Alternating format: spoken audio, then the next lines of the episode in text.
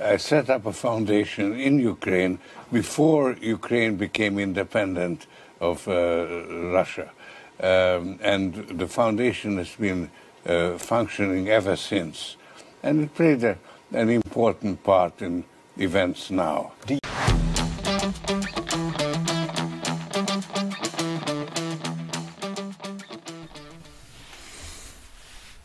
Ja,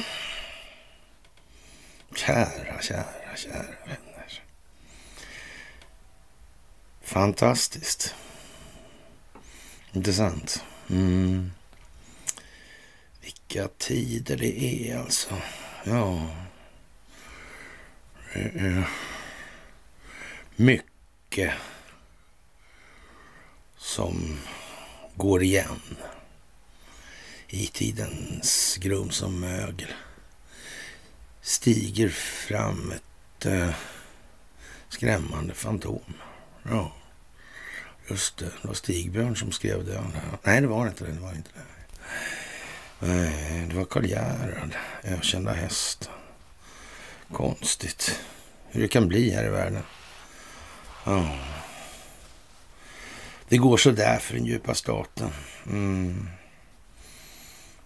Vi måste snart kunna utgå ifrån lite att det nog existerar trots allt, alltså oavsett vad svenska medier säger eller inte säger. Jag tror det. Jag tror att de flesta börjar inse att det här handlar om folkbildning.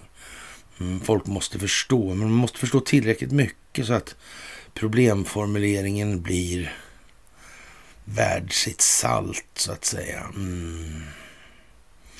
Det är ju det. Alternativ media, altanmedia, till sitter på läktaren och glor bara. Oh, Pratar inte om rätt saker, konstigt. Ja, ja speciellt. Det måste man ju säga. Ja, hm. konstigt allt det här. Vi skriver den 24 maj 2023. Det är piglördag gubevars och det är dags för ett onsdagsmys. Ja, vad ska man säga? Inte ett öga är torrt. Inte ett öga är torrt. Det verkar gå så där för svenska mainstream-medier och alternativmedia. Ja. De verkar mer eller mindre handla under tvång. Mm. Det är ju så. Det är ju så. Mm. Investor, ja. Speciellt, speciellt. Mm. Måste man säga. Monetär mekanik. Geopolitik. Fågelperspektiv. Men då måste man ju ha referenspunkterna förstås. Det är ju det. Då måste man ju känna till saker. Så här i dagarna. Ja. Är det nog bra att kolla in de här föreläsningarna faktiskt. På Youtube. Ja.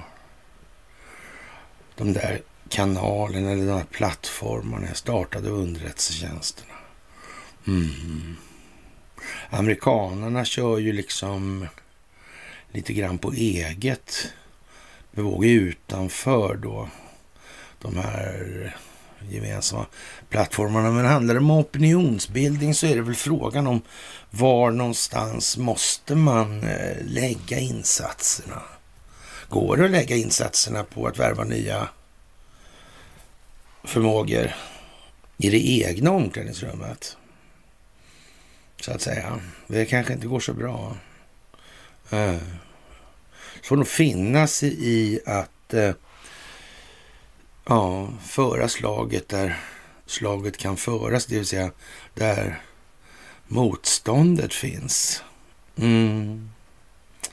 Det är ju lite så också. Men det går inte riktigt att säga på det viset. Ja, och ni är helt fantastiska. Det är bara så nu. Ja, det är ni. Ett jättetack för gåvor på Swish och Patreon. Ett jättetack för att ni har fördjupat er på karlnorberg.se och att ni fortsätter med det. Ett jättetack för att ni hakar på Telegramtjänsten. Mm. Underpoddarna. Musikusken. Mm. Det är speciellt nu. Martin känner sig som en turist hemma i stan. Ja, jag vet inte. Det där är väl speciellt. Mm, anledningen. Hm. Konstigt. Cornelia åker väl på en hitpiece där från eh, Nya Dagbladet som hörde av sig både till mig och Martin igår också och sa att de hade intervjuat Cornelia. Uh, intervjun i fråga påstod Cornelia inte ägde rum på det viset. Uh, hon sa nej och ville inte medverka. mm. Ja, lycka till Nya Dagbladet säger jag bara. Ja. Jag brydde mig inte om att spela in det där. Martin spelar såklart in. Men, mm. Mm. Ja, vi får väl se vad det blir av det där. Ja. De har ju inte så mycket att välja på längre heller. Vad ska de säga? De ska skita i monetärmekaniken kanske? Ja, det verkar inte så viktigt. Geopolitiken är inte heller särskilt viktig. De historiska perspektiven i de här sammanhangen är heller inte viktiga. Det är visserligen så att det eh, tas upp i en växande omfattning och betydelse, men ändå så är det inte så viktigt så att altanmedia behöver agera i saken. Nej, nej, det går att skrika det är invandrarnas fel fortfarande och, och kommunism och sådär. Mm, det löser allting. Ja, ja, ja. Mm. Jag vet inte. Ja. Och Ingvar Carlsson där kommer med en bok. Han pratar om döden i den där boken och folk som har ja, dött då. Mm. Under hans politiska karriär eller vad man ska kalla det för. Och det verkar lite konstigt sådär alltså. Ja, faktiskt. Mm. Han räknar upp en massa folk. Vi kommer tillbaka till det där. Men det är ju kanske det som inte står som är själva poängen. Snarare. Mm. För alla de här andra dödsfallen som man räknar upp i artikeln i dagens Svenska Dagbladet är väl... Eh, ah, det saknar liksom samband. Men det finns ju en eh, nådpunkt i det där. Ja. Och den här nådpunkten väcker alltså frågan, är det väldigt troligt att Ingvar Carlsson som statsminister glömde bort då Bernt Carlsson som dog i Lockerbykraschen? Man skulle kunna tänka sig att eftersom de stavar namnet lika, likadant så att säga så Ja, det kan ju vara en anledning att han kanske kunde komma ihåg. Förutom att han var FNs vice generalsekreterare och en megapamp inom den internationella socialdemokratin och så vidare och så vidare. Och var väl, eh, ja, sa så här då innan han klev på det här, lock, klev på det här Lockerbyplanet, så att han var en av fem personer som kände till vilka som låg bakom mordet på Olof Palme. Mm. Och den här figuren glömmer alltså Ingvar Carlsson helt bort då. Mm. Och, och, ja, vad ska vi säga egentligen? Det verkar ju inte sådär eh, supertrovärdigt. Vi kommer tillbaka till det där, men han är ju ganska sådär där eh, rigorös annars i sin beskrivning när det gäller hur de andra politikerna, statstjänstemännen har ja, gått hädan då. Mm. Ja, men den djupa staten finns det ju inte förstås. Det är ju det. Det är ju ett problem. Och, och när Per Albin dog där på Ålstens tunnelbanestation där. Ja. Eller om det var spårvagn på den tiden. Ja. ja, det var där i alla fall. 46 ja. Dog ju Per Albin. Oh. Det som inte framgår när Per Albin dog, det pågick ju en massa grejer då. Det här var ju i anslutning till slutet på andra världskrig. Det hände ju en massa saker. En sak pågick för fullt alltså. Det var den här uh, Bosch-affären och en kedja av händelser som ja, med en komplicerad intrig då i de här sammanhangen som vanligt då, som utspelar sig under åren 39 till 50 som blev, den blev allmänt känd i augusti 45 då USA anklagade bröderna Jakob och Marcus Wallenberg och Stockholms Enskilda Bank för att ha varit bulvaner åt Boschkoncernen under andra världskriget. Allt i syfte att göra lönsamma internationella placeringar genom att skydda de tyska dotterföretagen för, från konfiskering. Det där är lite mer komplicerat än så, men i alla fall, det här är Wikipedia-varianten. I USA blockerades de amerikanska blockerade de amerikanska myndigheterna och argumenterade för en svartlistning, svartlistning av såväl bröderna som banken. Och det är bara att googla Bosch-affären så hittar ni det där. Men det är naturligtvis lite, kan man lite mer så.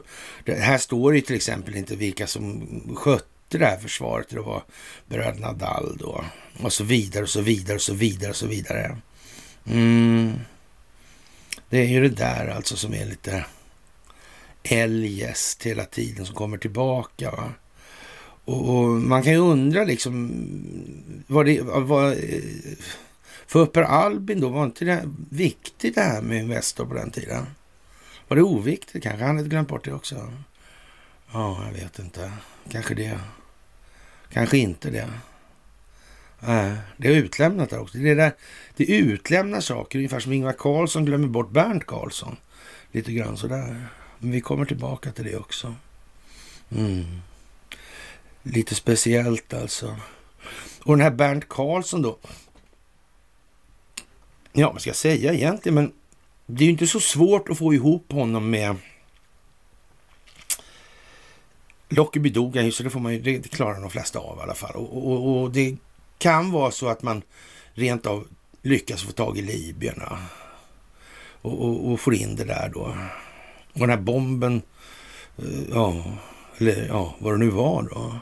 Jag tror att man kan komma till Telub-affärer där också. Ja, det tror jag. Jag tror man kan komma till Växjö och Eksjö och de här grejerna också. Mm, jag tror det. Mm. Jag tror man kommer in på Boforsaffärer, vapenaffärer, vapenhandel i det här. Ja. Gandhi-familjen. Mm. Gandhi-familjen, ja. Mm. Palme. Palmedutt kanske? Mm.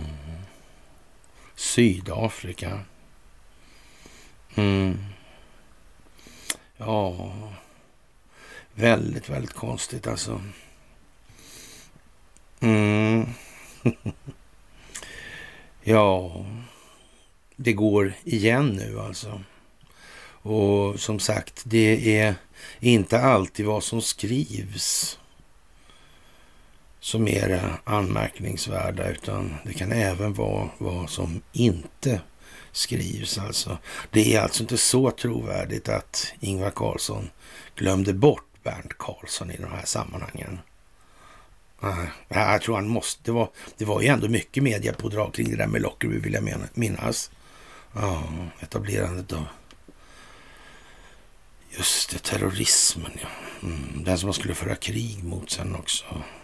Ja, inte minst mot Libyen. Nej. Ja, det är speciellt.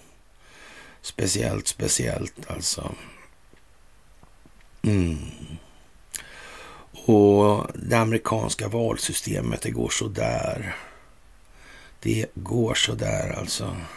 Och den här domaren som dömde till nackdel för Carrie Lake. Fast alla kan se att det var inget schysst val.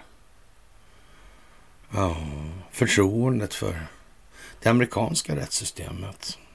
Kan det vara så att man från befolkningens sida kommer snart att kräva att nu gör, måste vi göra någonting åt det. Då får väl fan militären agera. Ja, för det döms ju hur tokigt som helst nu. De verkar helt enkelt inte kunna hantera det där. De verkar inte vara byxade. Nej. Det ser ut som det skulle krävas militär hjälp precis på slutet där. Mm. Underlivsporslinet, han verkar inte riktigt redig. Hillary säger att han är, ja, inte så spänstig i det intellektuella steget längre. Nej. Det kan ju kanske stämma, vad vet jag. Här hemma får vi hålla oss på lite mera vardaglig nivå alltså. Det, det, det är nödvändigt fortfarande. Och eh, folk är inte intresserade av annat än sin egen plånbok.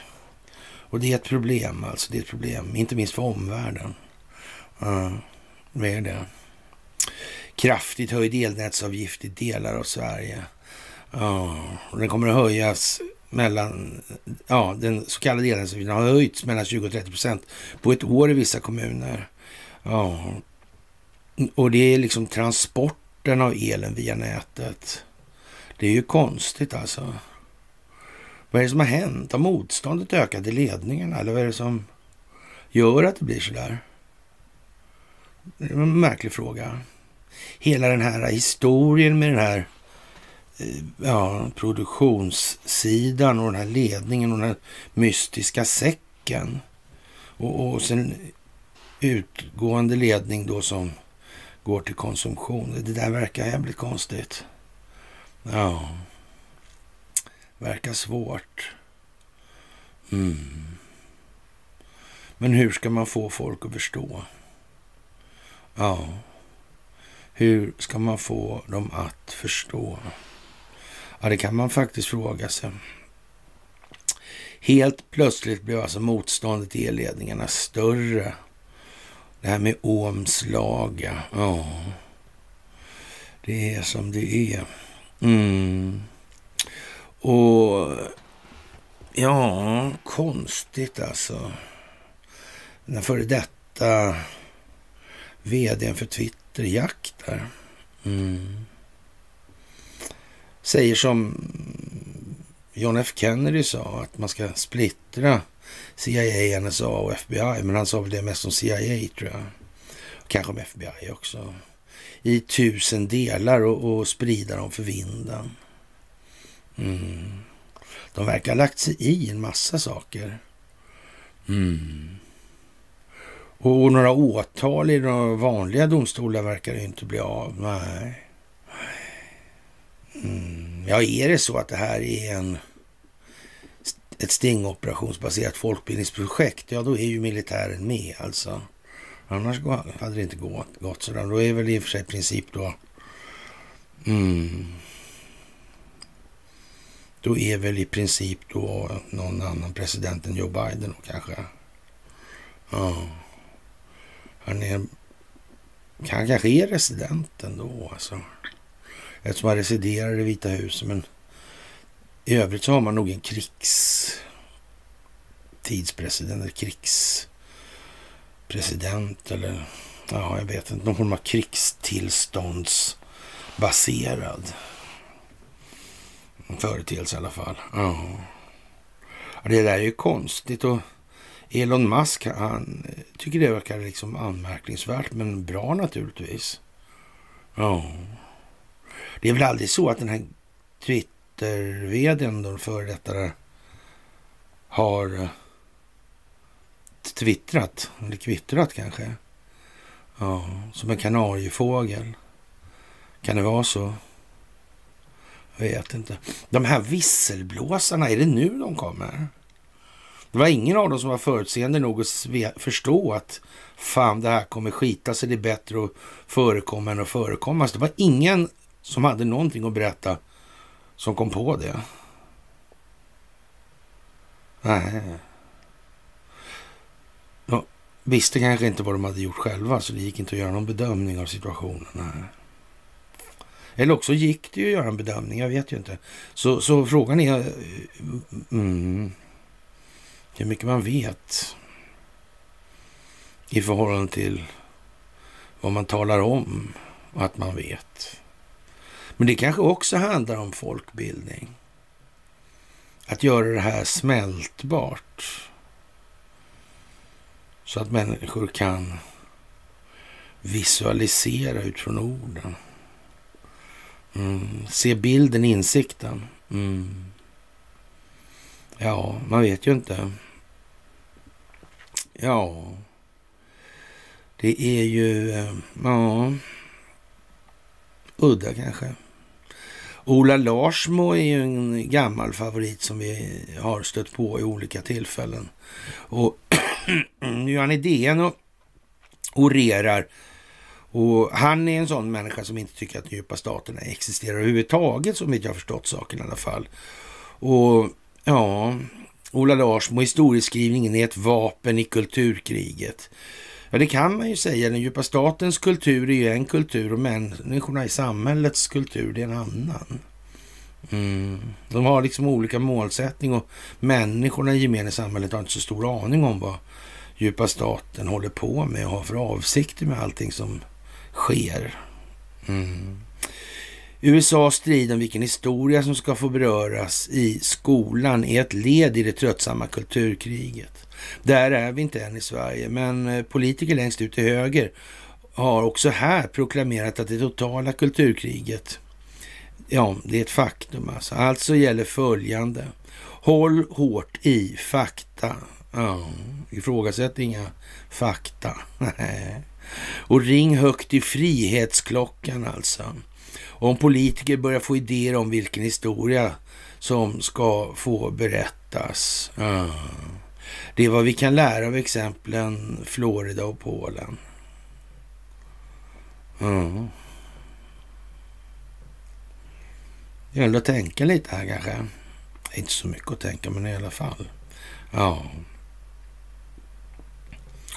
Ja, herr Allén undrar om Ola Larsson är, verkligen är så dum som han framställer sig. Och det är naturligtvis, det kan vi inte veta, men man kan väl tänka sig, har man jobbat då så att säga, ja, på den bogen då?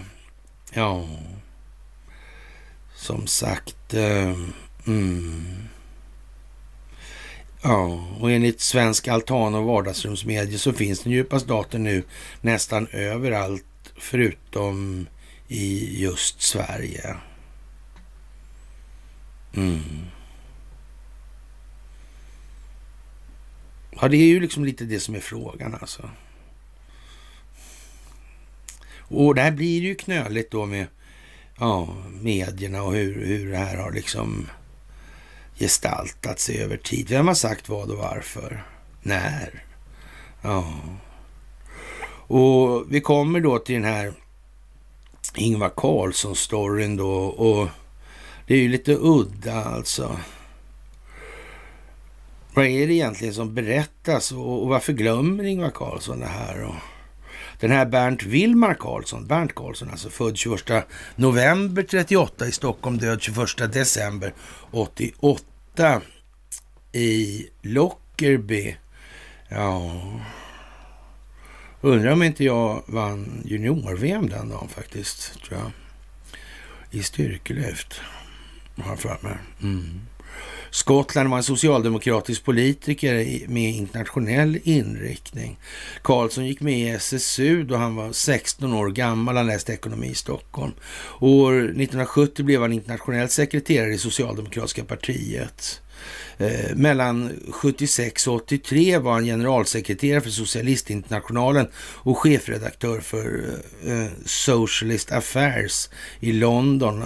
Han var 83 till 85 ambassadör vid utrikesdepartementet med ansvar för icke-statliga organisationer och 85 till 87 statssekreterare i jordbruksdepartementet med ansvar för nordiska frågor. Från 87 och till sin död var han biträdande generalsekreterare i FN och Namibia-kommissionär. Han omkom i Lockerbie-kraschen då Pan Am Flight 103 sprängdes i luften över det skotska samhället Lockerbie på väg till New York för att delta i undertecknandet av avtalet om Namibias självständighet. Bernt Karlsson är gravsatt på Bromma kyrkogård alltså. Mm. Den här figuren då, den glömde helt enkelt Ingvar bort att prata om. Va? Och, och eh, jag tar ett stycke ur den här artikeln då för att efter bara ett år i Lund där Ingvar Carlsson alltså hade gift sig med grosshandlardottern Ingrid Melander vid 22 års ålder. Då blev han alltså uppringd av Olof Palme eh, som redan jobb, hunnit jobba några år hos Erlander och som efterträdde Per Albin. Han och Erlander ville ha förstärkning i statsrådsberedningen. Och eh, ja, Ingvar Carlsson säger då, jag tyckte ju inte själv att jag var riktigt mogen för det här, men eh, tack vare både Palme och Erlander så växte jag in i rollen relativt snabbt. Steget in i politikens innersta rum hade tagits och ja, där skulle han bli kvar i fyra decennier. Med Ingvar Carlsson på plats bestod statsråds, statsrådsberedningen av fem personer. Han själv, Tage Erlander, Olof Palme, vaktmästaren Tage Holner och sekreteraren Maria Nyström.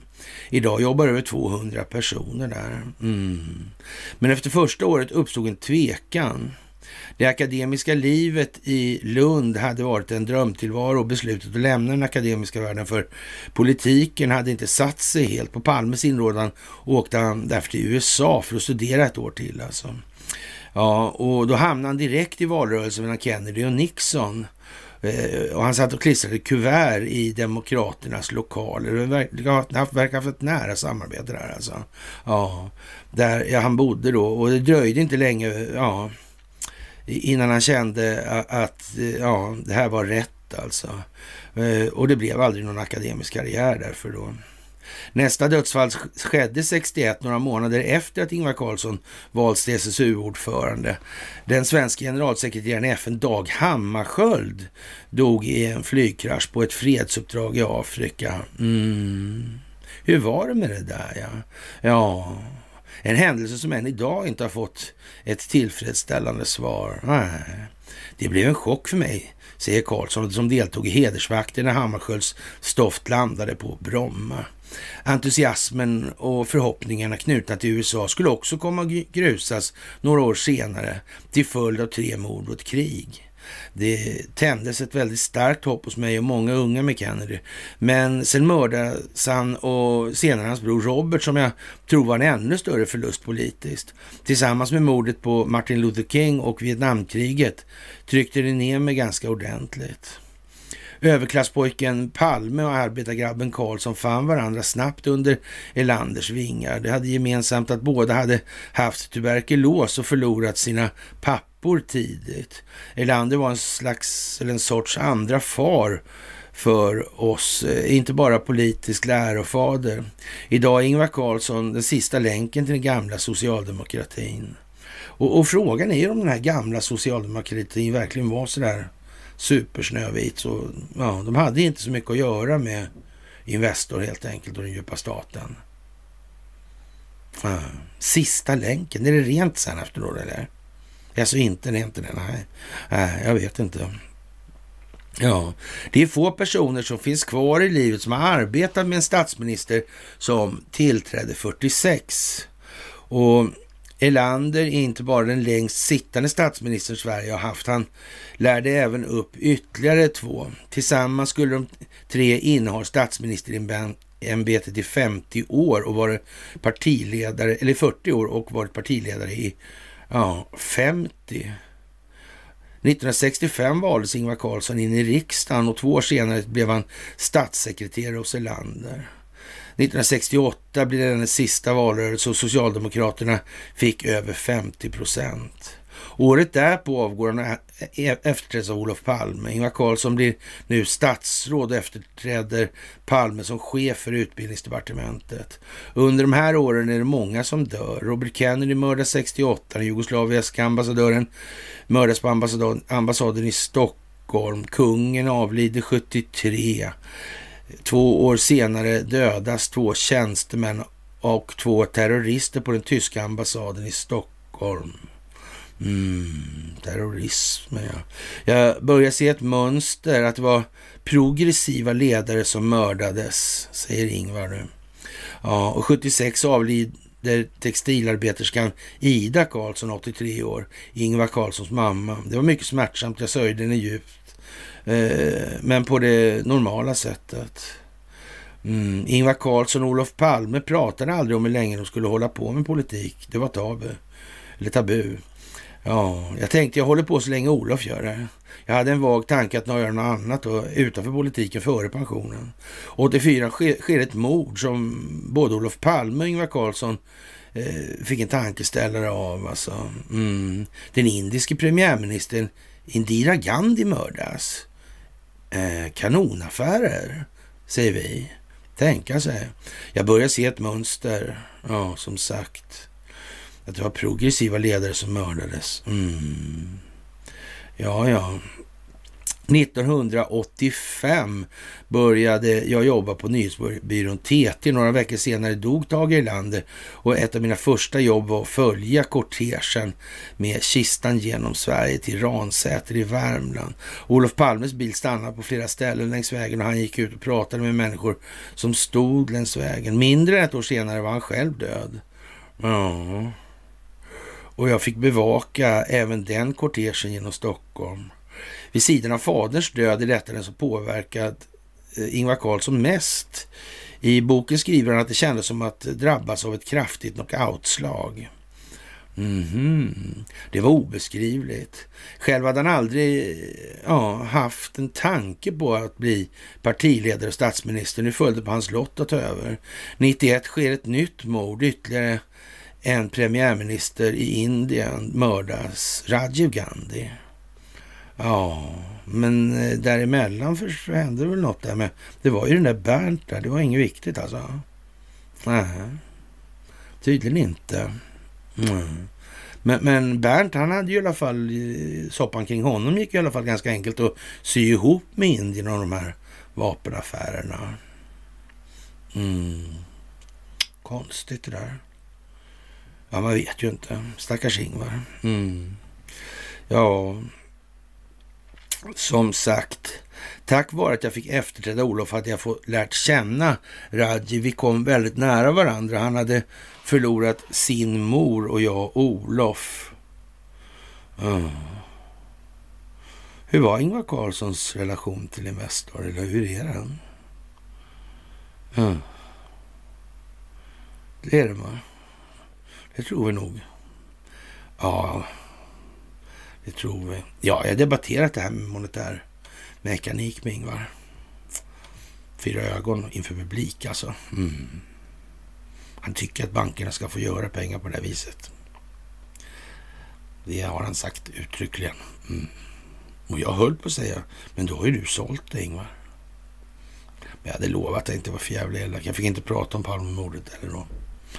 Nej, just det. Ja. Samma år hamnar Socialdemokraterna Ingvar Carlsson i opposition.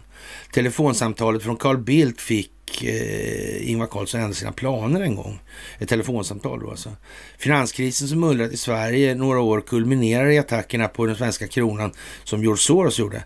Eh, som en kompis med Carl Bildt och som eh, får ändå anses ha haft något som heter kvantumfond som låg på SE-banken. Men det kanske inte betyder någonting. Eh, vi får se. Riksbanken chockhöjer räntan till 500 procent, som, vilket inte påverkar eh, ja, långivningen det minsta. Alltså så. Men det, det skiter vi På den tiden trodde folk på det här. Ja. Carl Bildt behöver Socialdemokraternas hjälp för att rädda svensk ekonomi, skriver man på Svenska Dagbladet idag. Mm. Mm. Jag satt i halsen. Och det här räddade sannolikt livet på Ingvar Carlsson, vet ni vad? Alltså, för han var i Berlin på ett möte med Socialistinternationalen. Den, ja, redan där skulle man kunna tänka sig att han borde veta att någonstans liksom sådär vem den här Bernt Karlsson var, men ändå inte på något vis alltså.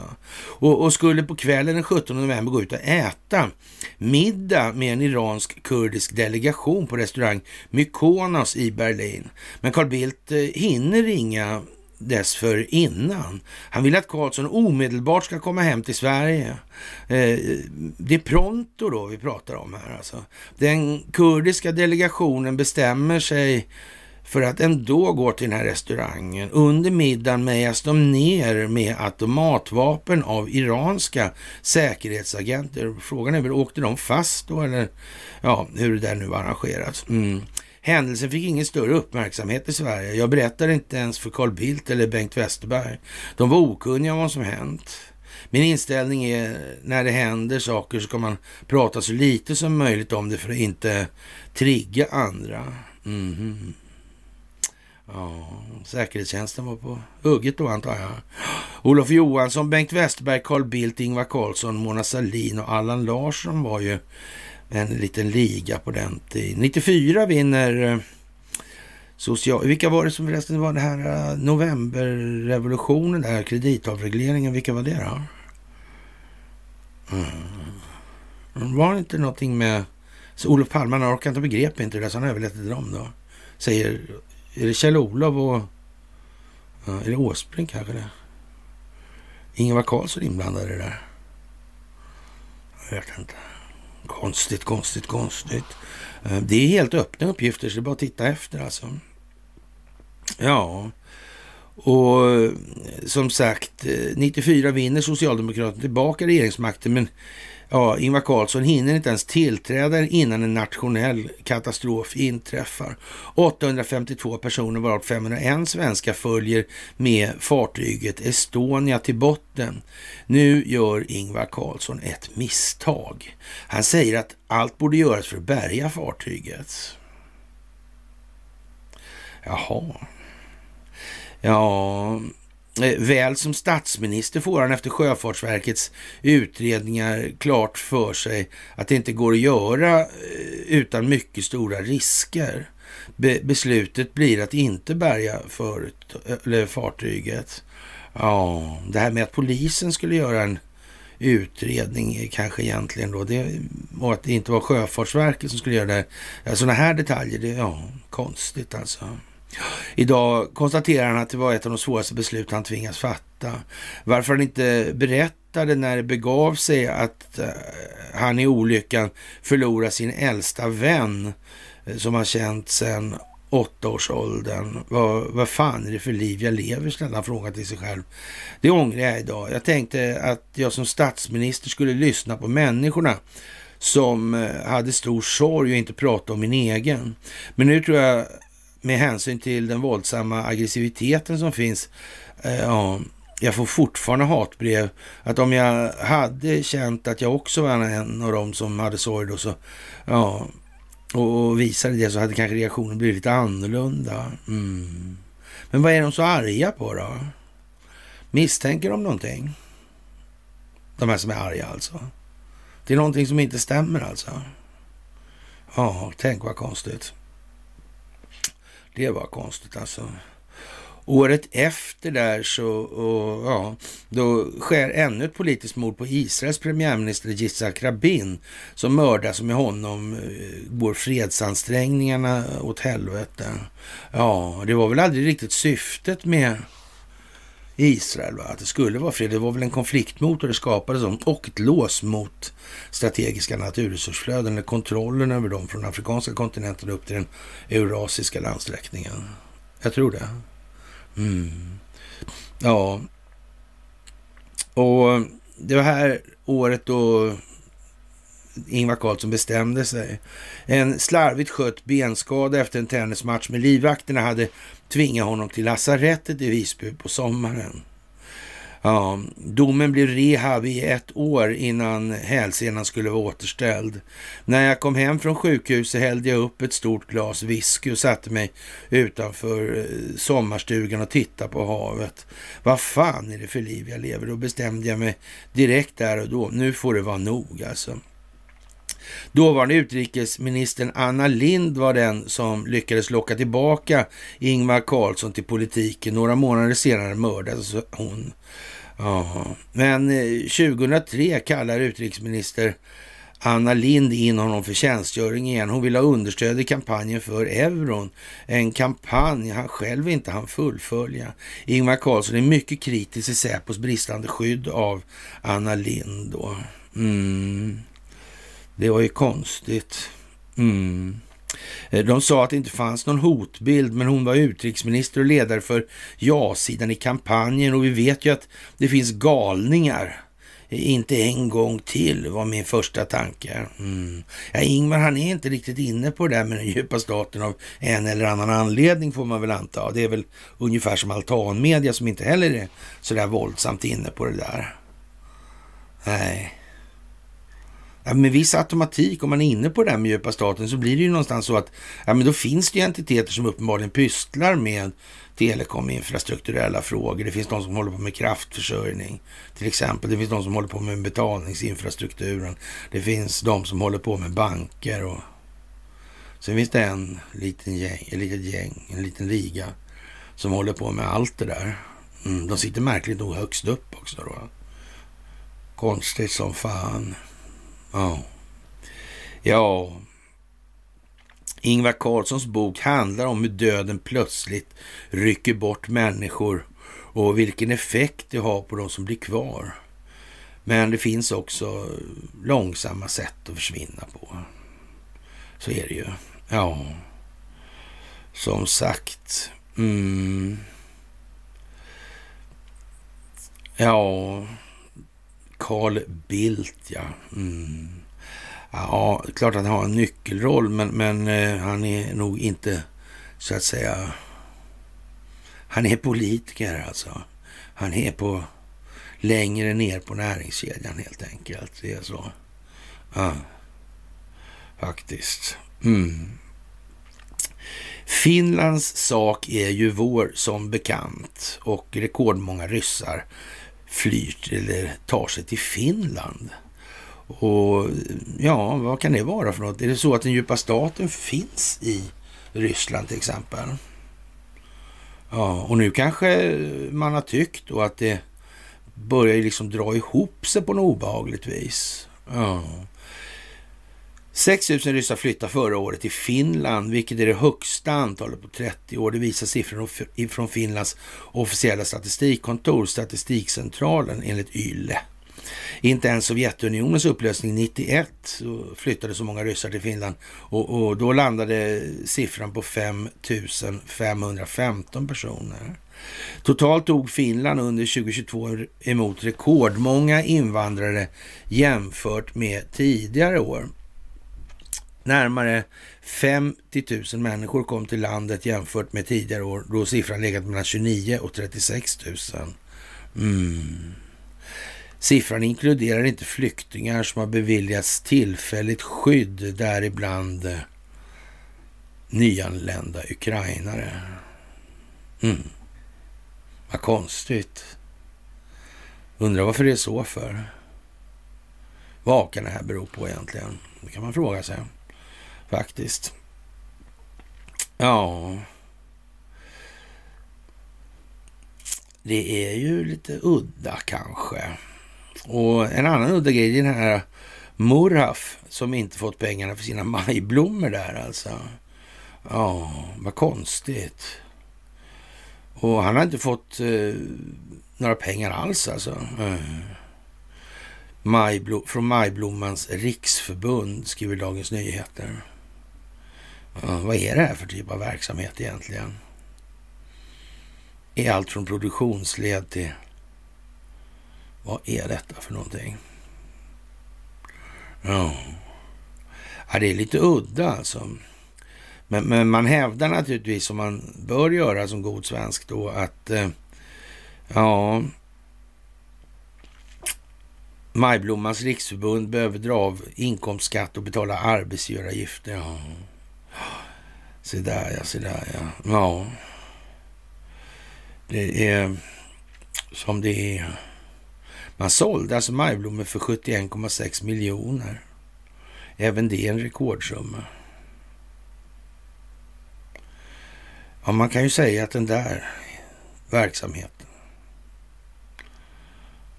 mm, den lämnar i bort fall mig tämligen kall alltså. Mm. Makalöst jävla dumt alltså. Mm. Stackars Nasdaq som nu lägger ner utredningen kring kommunikationen av Ericssons Irak-rapport. Och Nasdaq Stockholm lägger ner utredningen kring telekomjätten Ericssons informationsgivning kring internutredningen angående Irak från 2019. Ja, Nasdaq som driver Stockholmsbörsen meddelar i slutskrivelsen angående ärendet att det avskrivs som vidare handläggning framgår av ett pressmeddelande från Ericsson. Ja. Eh, Nasdaq anser sig inte kunna komma till slutsatsen att innehållet i rapporten varit sådant, att, så, sådant som en förnuftig investerare skulle ha utnyttjat för sitt investeringsbeslut, refererar bolaget. Ja. Jaha, de lägger ner sin egen utredning mot sig själva. Mm. Ja. Nasdaqs utredning berörde det faktum att Ericsson i mer än två år satt på slutsatserna i rapporten utan att offentliggöra dem. Enligt såväl EU som Stockholmsbörsens regelverk måste insiderinformation som är kurspåverkande offentliggöras så snart som möjligt. Ja, jag vet inte vad kan det här vara för någonting. Det, ska det gå åt helvete för Nasdaq också? Tänka sig alltså. Är det inte klokt alltså? Vad blir det kvar av allt det här? Det kan man fråga sig. Det kan man fan, fan verkligen fråga sig nu. Ja, som sagt, är, ja, är det inte utredningsbart så är det ju inte. Nej, precis alltså. Och ja, vad ska jag säga egentligen? Calcutta, Calcutta. Mm. Indien. Ja, det är ju lite Gandhi redan. Så det. Mm. Eh, svårt att känna förtroende för de som styr kommunen. En insändare i Sundsvalls tidning. Ja, vad märkligt. Vad märkligt. Ja. Och vi kan väl säga som så att eh, det måste nog till någon annan typ av förvaltningsstyrning under en eh, rätt så rejäl övergångsperiod. Och, och för den sakens skull så kan man ju nästan säga att eh, ja, det var väl någonting med de här eh, krigslagarna, va? var det inte något sånt där? I händelse av, man kan över, just det, det var någonting med, just det, man kunde överlåta det till främmande makt numera, så var det ja. Just det, ja. Så det, det kanske kan användas i de här sammanhangen. Det vet man ju inte på det viset helt och fullt. Så där, nu ännu alltså. Det kan det vara så? Jag vet inte. Är det någon som har sett något om det på Swebb-TV till exempel? Om det kan vara så de har tänkt sig? Jag vet inte riktigt. Det verkar konstigt. Jag såg att de sålde slut på lådvinet på, på Swebb-TV någonstans. Rusa förbi i flödet där. Det skulle komma nytt där då. Ja, bra.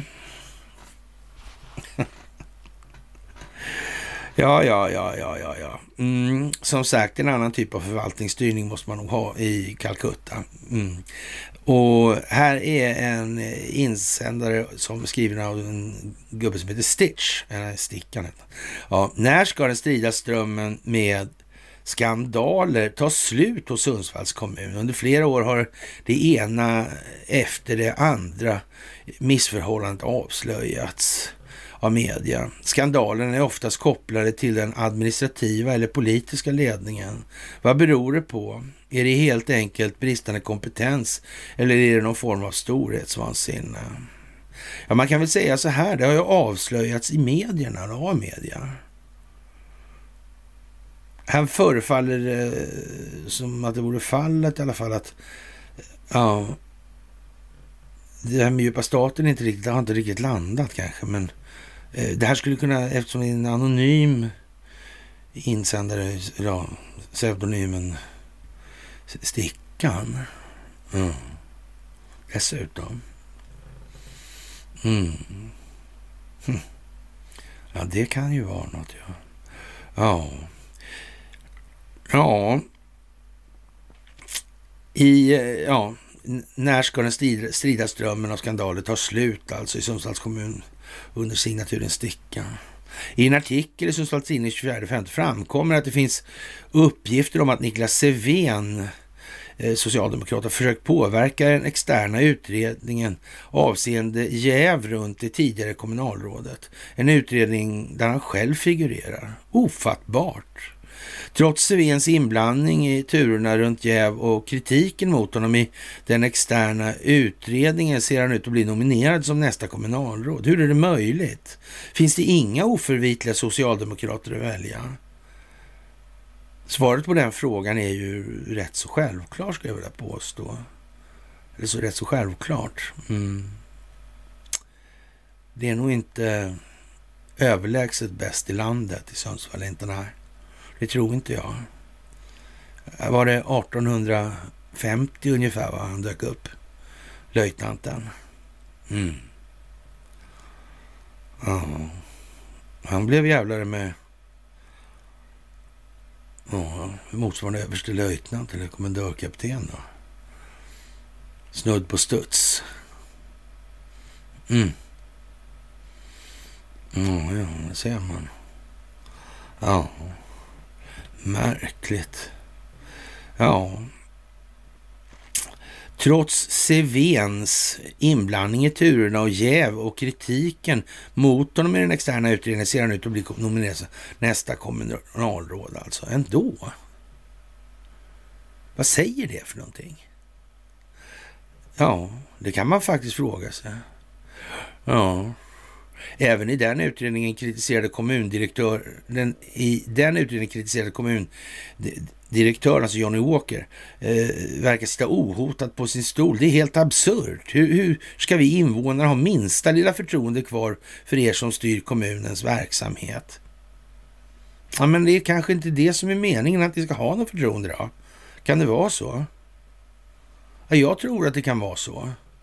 För, för eftersom situationen är som den är så Ja, eller implicit så innebär det att de, då måste man byta ut allihopa. Det är ungefär som han eh, McGregor säger det va. Just det, just det. Den här översten där amerikanska. Han tycker man måste kapa hela det amerikanska försvaret. Och ungefär som det fungerar där ungefär som här i den meningen att eh, om det är så att säga det här med urvalsbefordran och sådana grejer så innebär det att om man ska bli överste till exempel, då är det regeringsbeslut på det och så kan man ju säga så här, men är det verkligen riktigt riktigt det att det, det, om vi nu ska ha en, om vi nu kallar det för det, en opolitisk militär då, är, är, är det då jätteseriöst då att ha politiska tillsättningar på det sättet? Verkar det liksom klockrent eller? Och om, om man då, ja, om man då tittar då när han eh, på det här, ett av de senare klippen när han pratar med Donald Trump Jr. Donald Trump Jr. han är mer på business-sidan. Han, ja, han har väl vissa idéer om det militärindustriella komplexets roll i de här sammanhangen. Och själv brukar jag ju hålla mig med det där exemplet som den gamla generalen alltid tjatade om, om folk begrep hur det såg ut relation, relationsmässigt alltså mellan generalstabskåren och Försvarets materielverk, svängdörrarna där, då, då skulle inte de, några av de här frågorna finnas kvar som vi håller på att ägna oss åt nu. Alltså. Mm. Det är ju konstigt alltså. Men hur som haver då så måste man kapa ner det här eh, ordentligt tycker Douglas McGregor då att man, ja typ, eh, man får kapa någonstans där vid överste löjtnant major. Allt ovanför måste bort. De har uppenbarligen inte lagt sig vinn om att ordna upp det här på något vidare bra sätt. Tv-generaler säger man om de som figurerar i olika mediala sammanhang. Ungefär som när militära underrättelsesäkerhetstjänsten chef då, Mustan där alltså, ja, Donnan. Mm börja eh, snacka metoo. Man kan väl säga så här att om, eh, ja, på Jan Guillous ja, storm mot rang-dagar då, ja, då var det väl, eh, ja, Samuel Ulfsson, i verkligheten hette han Ulf Samuelsson, så det var ju ganska illa maskat det också, men ändå då. Ja. man kan ju tycka att det här, ja. Är, är det ett folkbildningsprojekt här tror ni? Jag vet inte. Vi får se. Vi kanske får fråga någon sådär. Ja. Ja, man vet ju inte sånt här så noga faktiskt. Ja, fantastiskt alltså. Kinas president Xi Jinping och Rysslands premiärminister ja, eh, Mikael Mishustin inledde förhandlingar. Och ja, det här med eh, Kina och Rysslands samarbete på strategisk nivå. Undrar om de upplever ett gemensamt problem med den djupa staten då, eller i alla fall så säger ju kineserna att de upplever som, det som att, att den senaste tidens tråkigheter beror på att ett fåtal svenskar på ett brutalt vis lägger sig i Kinas inre angelägenheter. Mm. Det där är konstigt. Det verkar liksom gå ihop det här på något... Ja. Mm. Ja. Som sagt. Mm. Och man kan inte hålla på och resonera i termer av köpa olja från MENA-länder och hit och dit. Alltså, det här strategiska spelet sker alltså i flera led i flera dimensioner samtidigt. Så, så man kan liksom inte eh, se... Det här handlar om att den djupa staten vill komma åt de ryska naturresurserna. Det har det alltid handlat om och ingenting annat. Och så vidare. Sen får, gör man olika åtgärder och insatser för att skapa effekter som man kan klä på då eller sminka till att vara någonting annat. Mm. Sådär. Och länderna i Nordatlantisk, Nordatlantiska alliansen, alltså Atlantpakten, är faktiskt direkt involverade i konflikten i Ukraina på Kiev-sidan. Ja, och eh, en sån, ett sånt ställningstagande i väst ökar markant hotet om en direkt militär sammandrabbning av kärnvapenmakter. Men det är ju sant. Det är ju sant. Sen att det inte är någon eh, ja, risk eftersom det är teater alltihopa. Det är en annan sak. Men, men den ökar ju definitivt så, det gör den ju. Mm. Det gör den. Ja, och eh, som sagt, Kina spår 65 miljoner covidfall i juni i veckan. Mm. Det är ju lite mycket där och de tycker ju som sagt det här är mycket speciellt med den här legacy. Det var som en svart hål när det gäller pandemin. Och covid hade väl funnits sedan mitten på 60-talet va? Ja, och det gick inte att vaccinera. Just det. Det var ju det. Och på hela taget så verkar det ju vara så att eller det kan vi väl nästan säga, att eh, dysfunktionella testmöjligheter eller dysfunktionella tester och statistik. Ja. Kokad bokföring så att säga. Mm. Just det. Och sen de här vaxen, ja. Det ska bli spännande att se de rättsliga efterspelen på det där. Men det lägger vi inga virologiska aspekter på än så länge. Det måste utkristallisera sig. Och om det här är en stingoperation så är det den amerikanska militären som står som garant för det ena eller andra nu vad det nu är de står för. Mm. Vi kan i alla fall utgå ifrån att det handlar om att skydda den amerikanska konstitutionen och den amerikanska befolkningen. Det tror jag vi kan vara rätt lugna för nu. Ja, faktiskt. Ja, som sagt, de kan inte ens spå väder, men det här kan man räkna ut då. Ja, men som sagt, det ska uppenbarligen inte bli massa uppvigling och grejer. Det ska bli nedlåsning vid behov. Mm. Vi kan nog säga att den kinesiska underrättelsetjänsten i samverkan med mm, en massa andra underrättelsetjänster nog har gjort sitt jobb, ja. ja. Det kan vi nog vara rätt säkra på. Ja, och väst har eh, ja, satt kurs för att förstöra grundläggande normer och värderingar. Och mot den här bakgrunden är det viktigare än någonsin för andra länder att slå sig samman, säger då Ryssland. Och eh, ja, det finns väl inte så mycket att be för i den delen. Sverige som föregångsland. Om alla vore lika duktiga som svenskarna så skulle alltså ingen regnskog finnas kvar längre. Och, och, och det verkar ju bra jobbat av Miljöpartiet och de här då. då. För att få fram biodrivmedel skövlas regnskog, säger miljöforskaren Stefan Wichenius. Ja, det är ju konstigt. Sveriges höga reduktionsplikt skadar miljön. Sverige har under de senaste åren förbrukat en ansenlig del av världens totala biodieselproduktion. Om alla länder skulle göra som Sverige så hade det inte funnits någon regnskog kvar, hävdar forskaren Stefan Wirsenius, som inte alls ser på reduktionsplikten som miljöfrämjande. Mm. Miljörörelsen, vad är det för någonting då? Varför kommer det sig att de har missat det här? Vad beror det på? Är det någon anledning till det eller är det bara slumpen kanske? Ja, tur är när. Ja, det är det ju när det kommer till förberedelse och omständigheter. Ja. Otur är... Ja, ja, jo, den är oförberedd som... Ja, ja, ja, ja. Ja, vad ska man säga? En rejäl blåsning där. Undrar hur mycket miljövetande akademiker det finns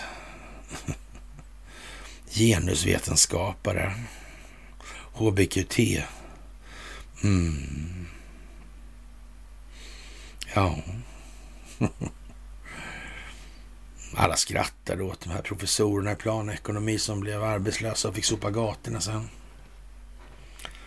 Ja, de var inte speciellt mycket dummare än genusvetarna i alla fall. Det var de inte, inte enligt miljörörelsen heller då.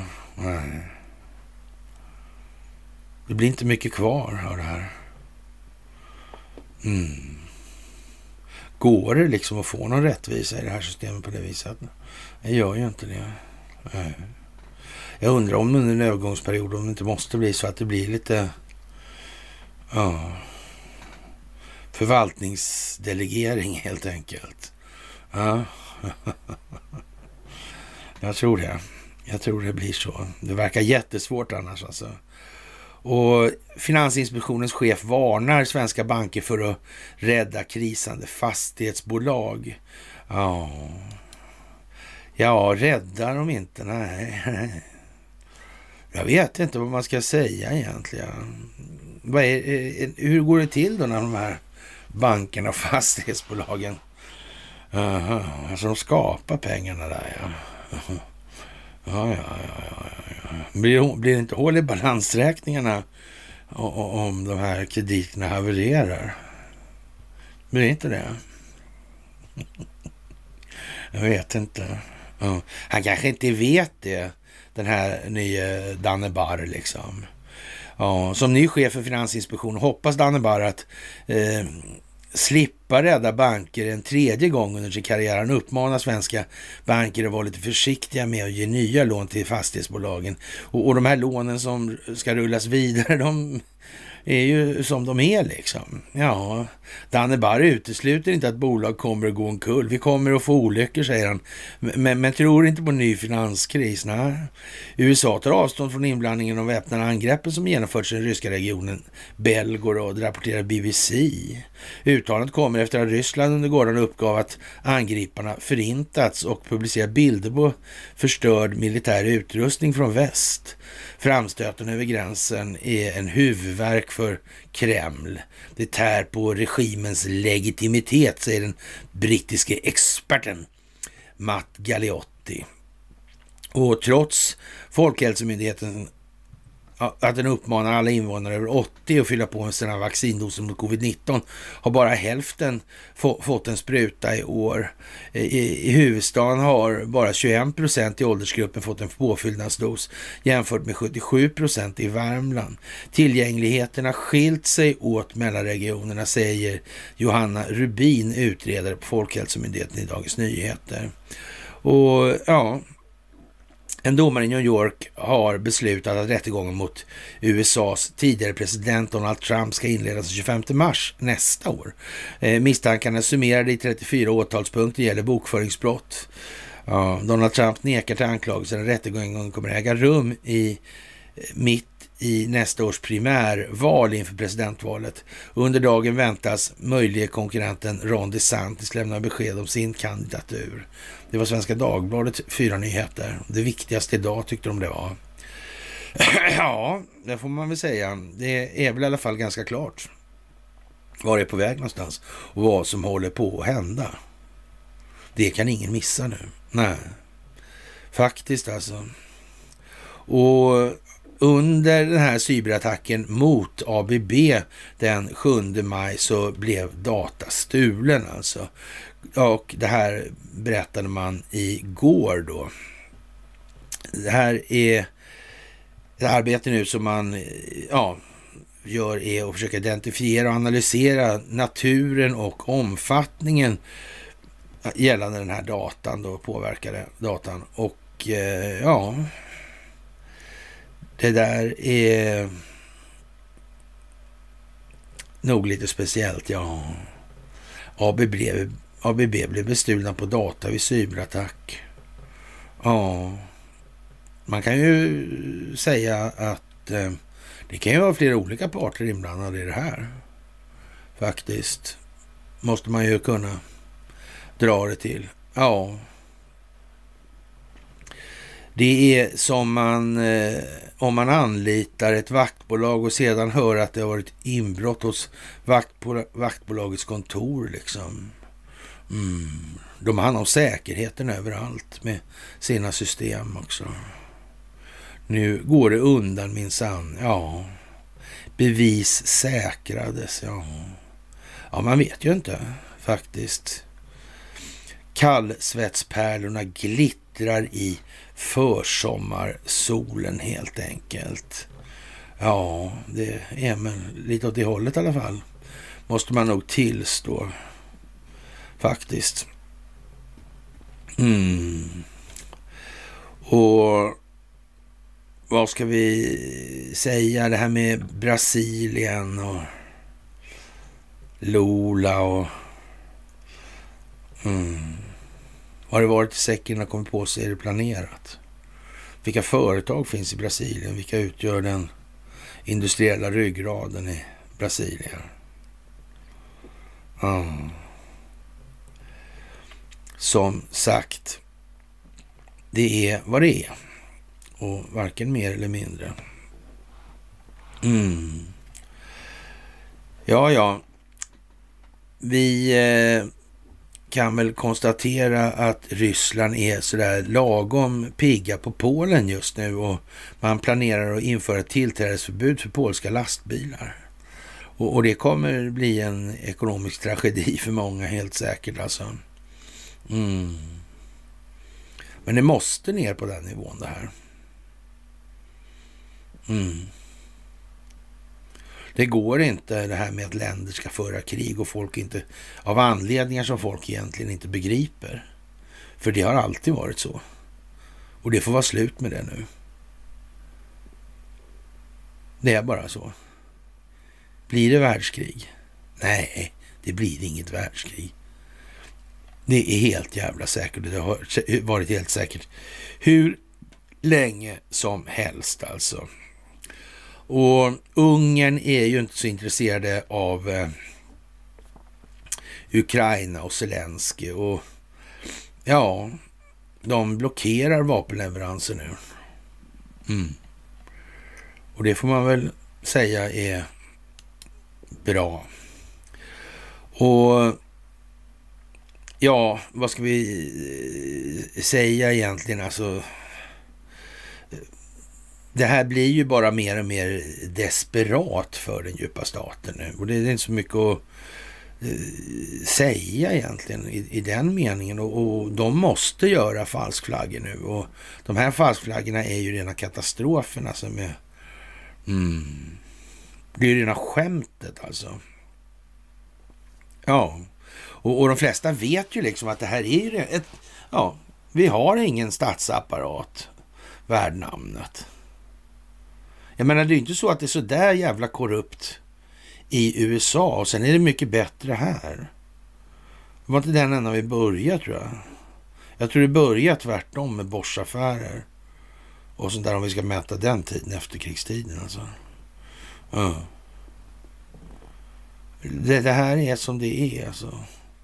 Och, men det är Rothschild som bestämmer ju och rymdödlorna och judekonspirationerna och allt det här. Ja, Alltså man undrar ju när folk börjar köra de argumenten nu. Man undrar faktiskt allvarligt talat hur det är fatt. Jag menar, men varför ens bemöda sig och, och, kommentera eller någonting på ja, till exempel min sida? Varför ser man inte till att plocka ihop det här och gör då liksom en exponera Rothschild Förklara vilka skeden och vilka händelseförlopp som ligger till grund för vad i det här. Och glöm för fan inte brevduvorna liksom. Nej. Det här, ja, som sagt. Som sagt. Ja, att få en rättvis rättegång i, i ett land där en nationell säkerhetsrådgivare säger att det handlar om det svenska rättssystemet. Är det någon som på allvar tror att det... Det går inte så bra i USA, det märker vi ju. Men i Sverige går det bra. Jaha. Ja, vi har ju oberoende utredningar också, så jag vet inte. Men är det, är klart. Ja. Och som sagt, Eh, det är likadant i Sverige som i USA. Hur många orättvisa domar har vi sett alltså? Där man struntar i våldsoffret och bekymrar sig över gärningsmannen och så vidare och så vidare och så vidare. Mm, eller man ska skicka överklagan till Molom, eh, landet mellan fantasi och verklighet tyckte en gång då Ekobrottsmyndigheten att jag skulle göra när jag ville ha ut en handling därifrån på någon annan. Mm. Alltså, Ja, man kan säga att det är ordentligt riggat alltihopa nu. Det, det är inte så mycket att be för faktiskt alltså.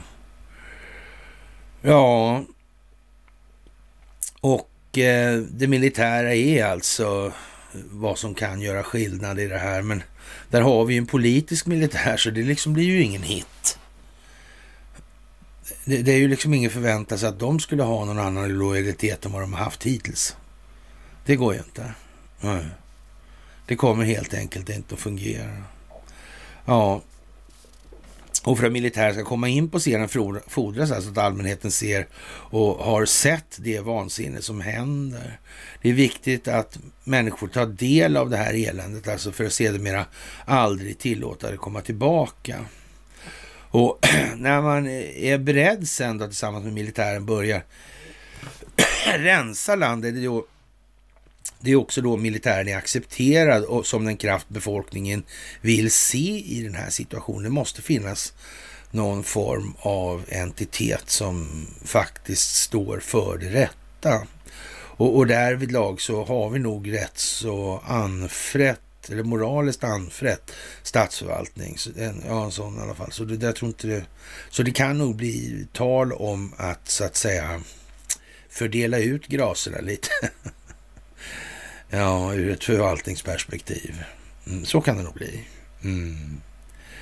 Ja, att det är ja, för befolkningen mot de illasinnade krafterna som härjat fritt under ja, all tid vi minns eller all tid vi kan se egentligen. Och då, då är det ju som det är nu här. Och, och ja, vad, vad, vad ska vi annat säga liksom? Och i USA har man ju till exempel en situation där FBI säger att de tänker inte lämna ut något dokument som finns om Joe Biden då han var vicepresident. Dokument som har efterfrågats av den övergripande kommittén i kongressen. FBI som tillhör det kriminella syndikatet naturligtvis då, vill naturligtvis inte lämna ut en medlem av syndikatet för att visa på dennes försyndelser. Ja, och det där är inte särskilt acceptabelt kan man ju tycka då alltså. Nej. Ja, vad ska vi säga? Vi måste stämma in de här, alltså stämma in FBI för att få till ett utslag om hur man ska gå vidare med de här efterfrågade dokumenten. Alltså. Ja. Men den processen kan ju hålla på i hundra år. Ska man vänta då till man har... Eller? Eller tror jag inte. Mm. Och jo, han verkar ju krasslig som sagt. Mm. Uh, och är det så att det här är ett folkbildningsprojekt grundat på en stingoperation, ja, ja då är det ju det. Mm. Det kan inte vara så långt kvar. Faktiskt. Nej. Jaha, och John Durham ska vittna inför kongressen i morgon. Och en sak som är säker i alla fall att det kommer fram flera omständigheter som inte gör livet så där väldigt mycket lättare för den djupa staten. Alltså. Och Bill Gates då, ja vad ska vi säga? Mm. Att han inte betalar licensavgifter till Ericsson, det är fel. Det gör han. Det gör han, ja. Ja. Och underlivsporslinet kommer sluta ta DNA på illegala invandrare som passerar gränsen från den 31 maj. Ja. Och det gör det lättare för de kriminella kartellerna att ja, forma fejkfamiljer och genomföra barnhandel i ännu större omfattning. Ja, 350 000 ensamma och minderåriga har redan passerat gränsen sedan 2021. Och 85 000 av de här är små barn alltså. Mm. Ja. Ja, det vet ju inte jag alltså. Om det är så bra. Kan militären acceptera det bara? Mm. En sak i alla fall är helt säker, det här är dokumenterat nu. Allt som har hänt. Mm. Det är helt säkert, ja. Och Ron DeSantis och Elon Musk. Ja. Mm. Jag tror att det är teater i teatern, ja. Mm. Det tror jag faktiskt. Spännande. Mm. Jaha. Och... Eh, ja, FBI säger att de kommer inte släppa de här 6 januari övervakningsvideo. För det skulle ja, visa för många undercover government agents och informatörer. Ja, det är... Jaha. Så, ja. Mm. Ja. Ja, men det är ju bra. Det är ju bra. Och eh, de som tjänar på det här är Moskva, säger eh, mm, Hultqvist, ja. Hultqvist. Mm. Ja, jag vet inte. I en artikel i DN uppges att deadline för Sveriges NATO-medlemskap kan flyttas fram till ett möte i Washington i april nästa år. Ja, helt ny för Peter Hultqvist den här uppgiften och gör honom förbannad. Det är anmärkningsvärt att man ska börja läsa i tidningen om regeringens planer på att förändra målsättning när det gäller tidsplanen för vårt NATO-medlemskap. Det skulle ju aldrig komma med i det i NATO så, så länge han var kvar. Levde och andades eller hur, fan, hur sa han nu då? Men, men så var det väl? Jag vet inte. Ja, konstigt. Men enligt militär och regeringskällor till DN. Jag förstår inte riktigt. Är det någonting som militären ska ägna sig åt det här? Har inte de en pressavdelning som ska... Men, men det kanske är fel, ja. ja. Orosmånen eh, tornar upp sig på den svenska NATO-himlen. President Erdogan ser till exempel ut att kunna behålla makten i Turkiet och därmed greppet över Sveriges säkerhetspolitiska framtid. Ett nytt datum och ny plats för inträdet uppges istället. Det är NATOs 75-årsjubileum i Washington i april nästa år. Ja, ja, ja. kan man ju tänka sig. Mm. Ja, det verkar ju lovande det här alltså. Och ja, Peter Hultqvist kallar Sveriges NATO-medlemskap för ett gemensamt projekt. Vi tycker det är anmärkningsvärt alltså att man ska läsa i tidningen. Ja, det är speciellt alltså. Han fortsätter med att säga att varken han eller någon annan opposition hade hört en talas om den nya tidsramen med Washington i april nästa år för, förrän det stod i Dagens Nyheter. Försvarsminister Paul Jonsson, Moderaterna, sa igår till DN eh, att NATO-mötena med stats och regeringscheferna som det är i Washington nästa år ökar. Ja, det politiska momentumet i allians som det viktiga anhalter för NATOs utveckling. Ja, som sagt, just och det är ryssarna är de enda som tjänar på det här och det på den här splittringen. Just nu arbetar USA hårt för att få med Sverige i Försvarspakten. Men med en ny president kan det bli annorlunda. Ja, det är inget märkligt att ha en plan B, men man måste fundera igenom det noggrant. Vi har inte deltagit i några diskussioner om att förflytta det här till Washington. Det borde ha, tag, vi, det borde ha tagit det här med oss i eh, djupare mening, säger Peter Hultqvist och tillägger. Vi har en del att tillföra i den här diskussionen. Mm. Ja. Hultqvist avslutar med att han hoppas att kommunikationen med regeringen ska bli bättre. Han höjer samtidigt varningens finger. Den enda som tjänar på en sån här splittring och brist i kommunikationen, det är Moskva och det måste man ha väldigt klart för sig, säger han. Ja. Jag tänker om det där är koordinerat. Det vore ju för jävligt dumt alltså. Eller?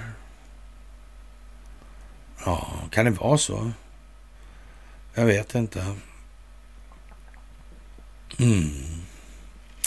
Ja, det är en del som ska in i det här och MTG kräver att Epsteins kundlista släpps och undersöker hans kopplingar till Clintons. Ja, det där är ju konstigt alltså. Konstigt, konstigt, konstigt. Bill Clinton har flugit en hel del, ja. ja. Inte bara Bill Gates alltså.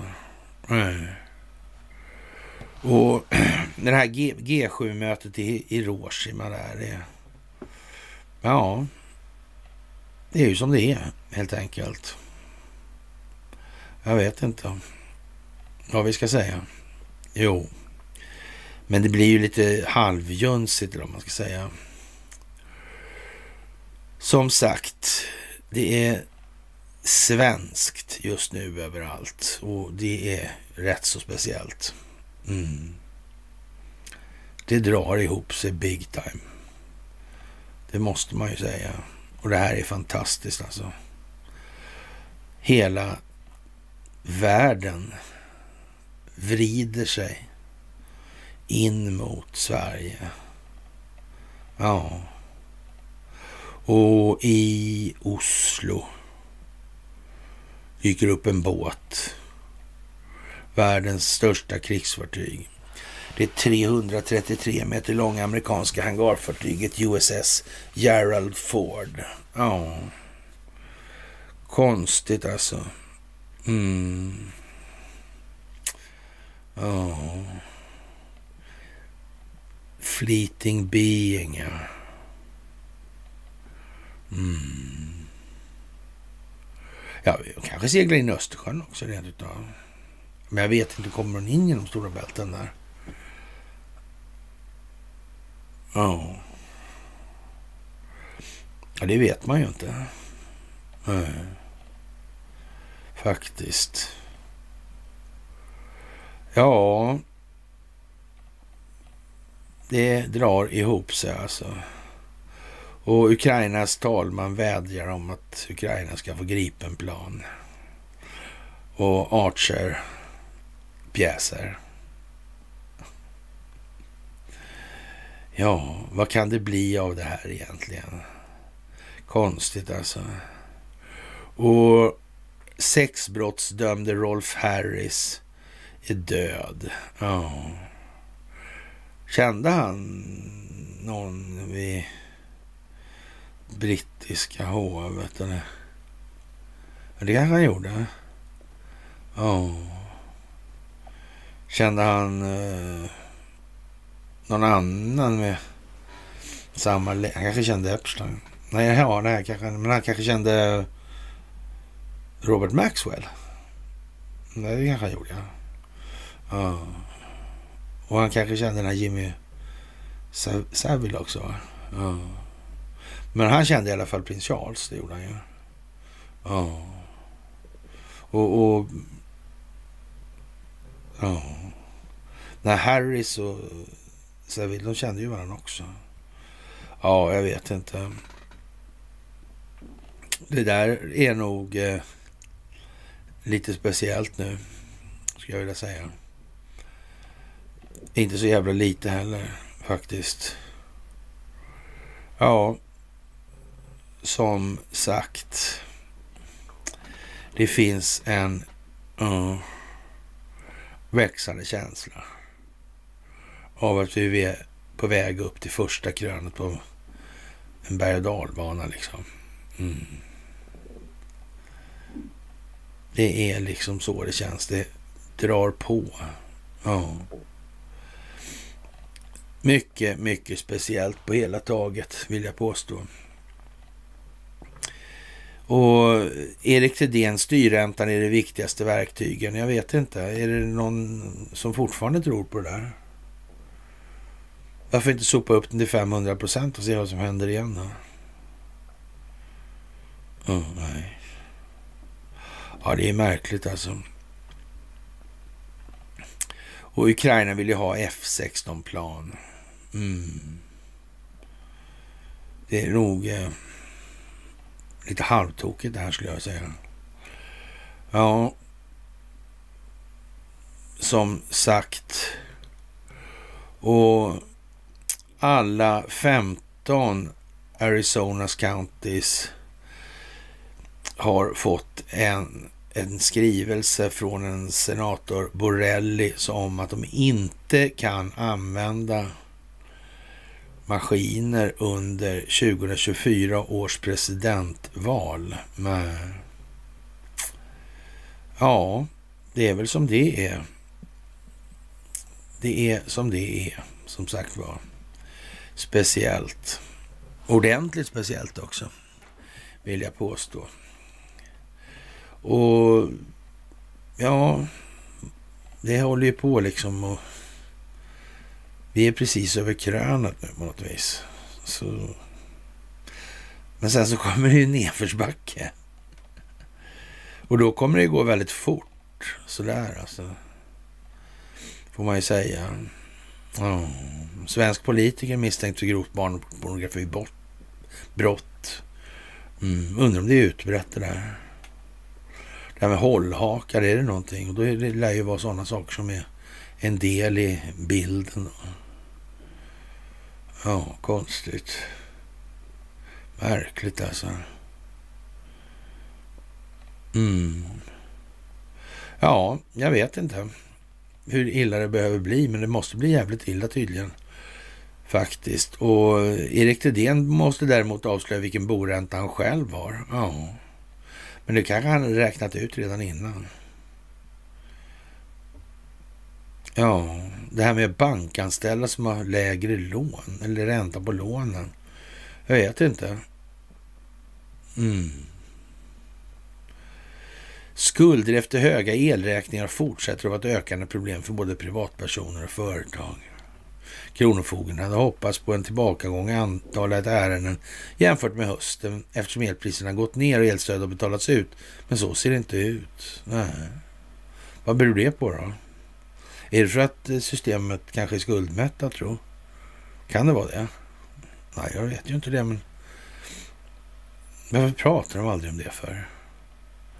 Nej, det är jättekonstigt faktiskt. Ja, Göteborgsandan. Ledningen åkte på lyxigt spa mitt i mutskandalen. Goa gubbar liksom.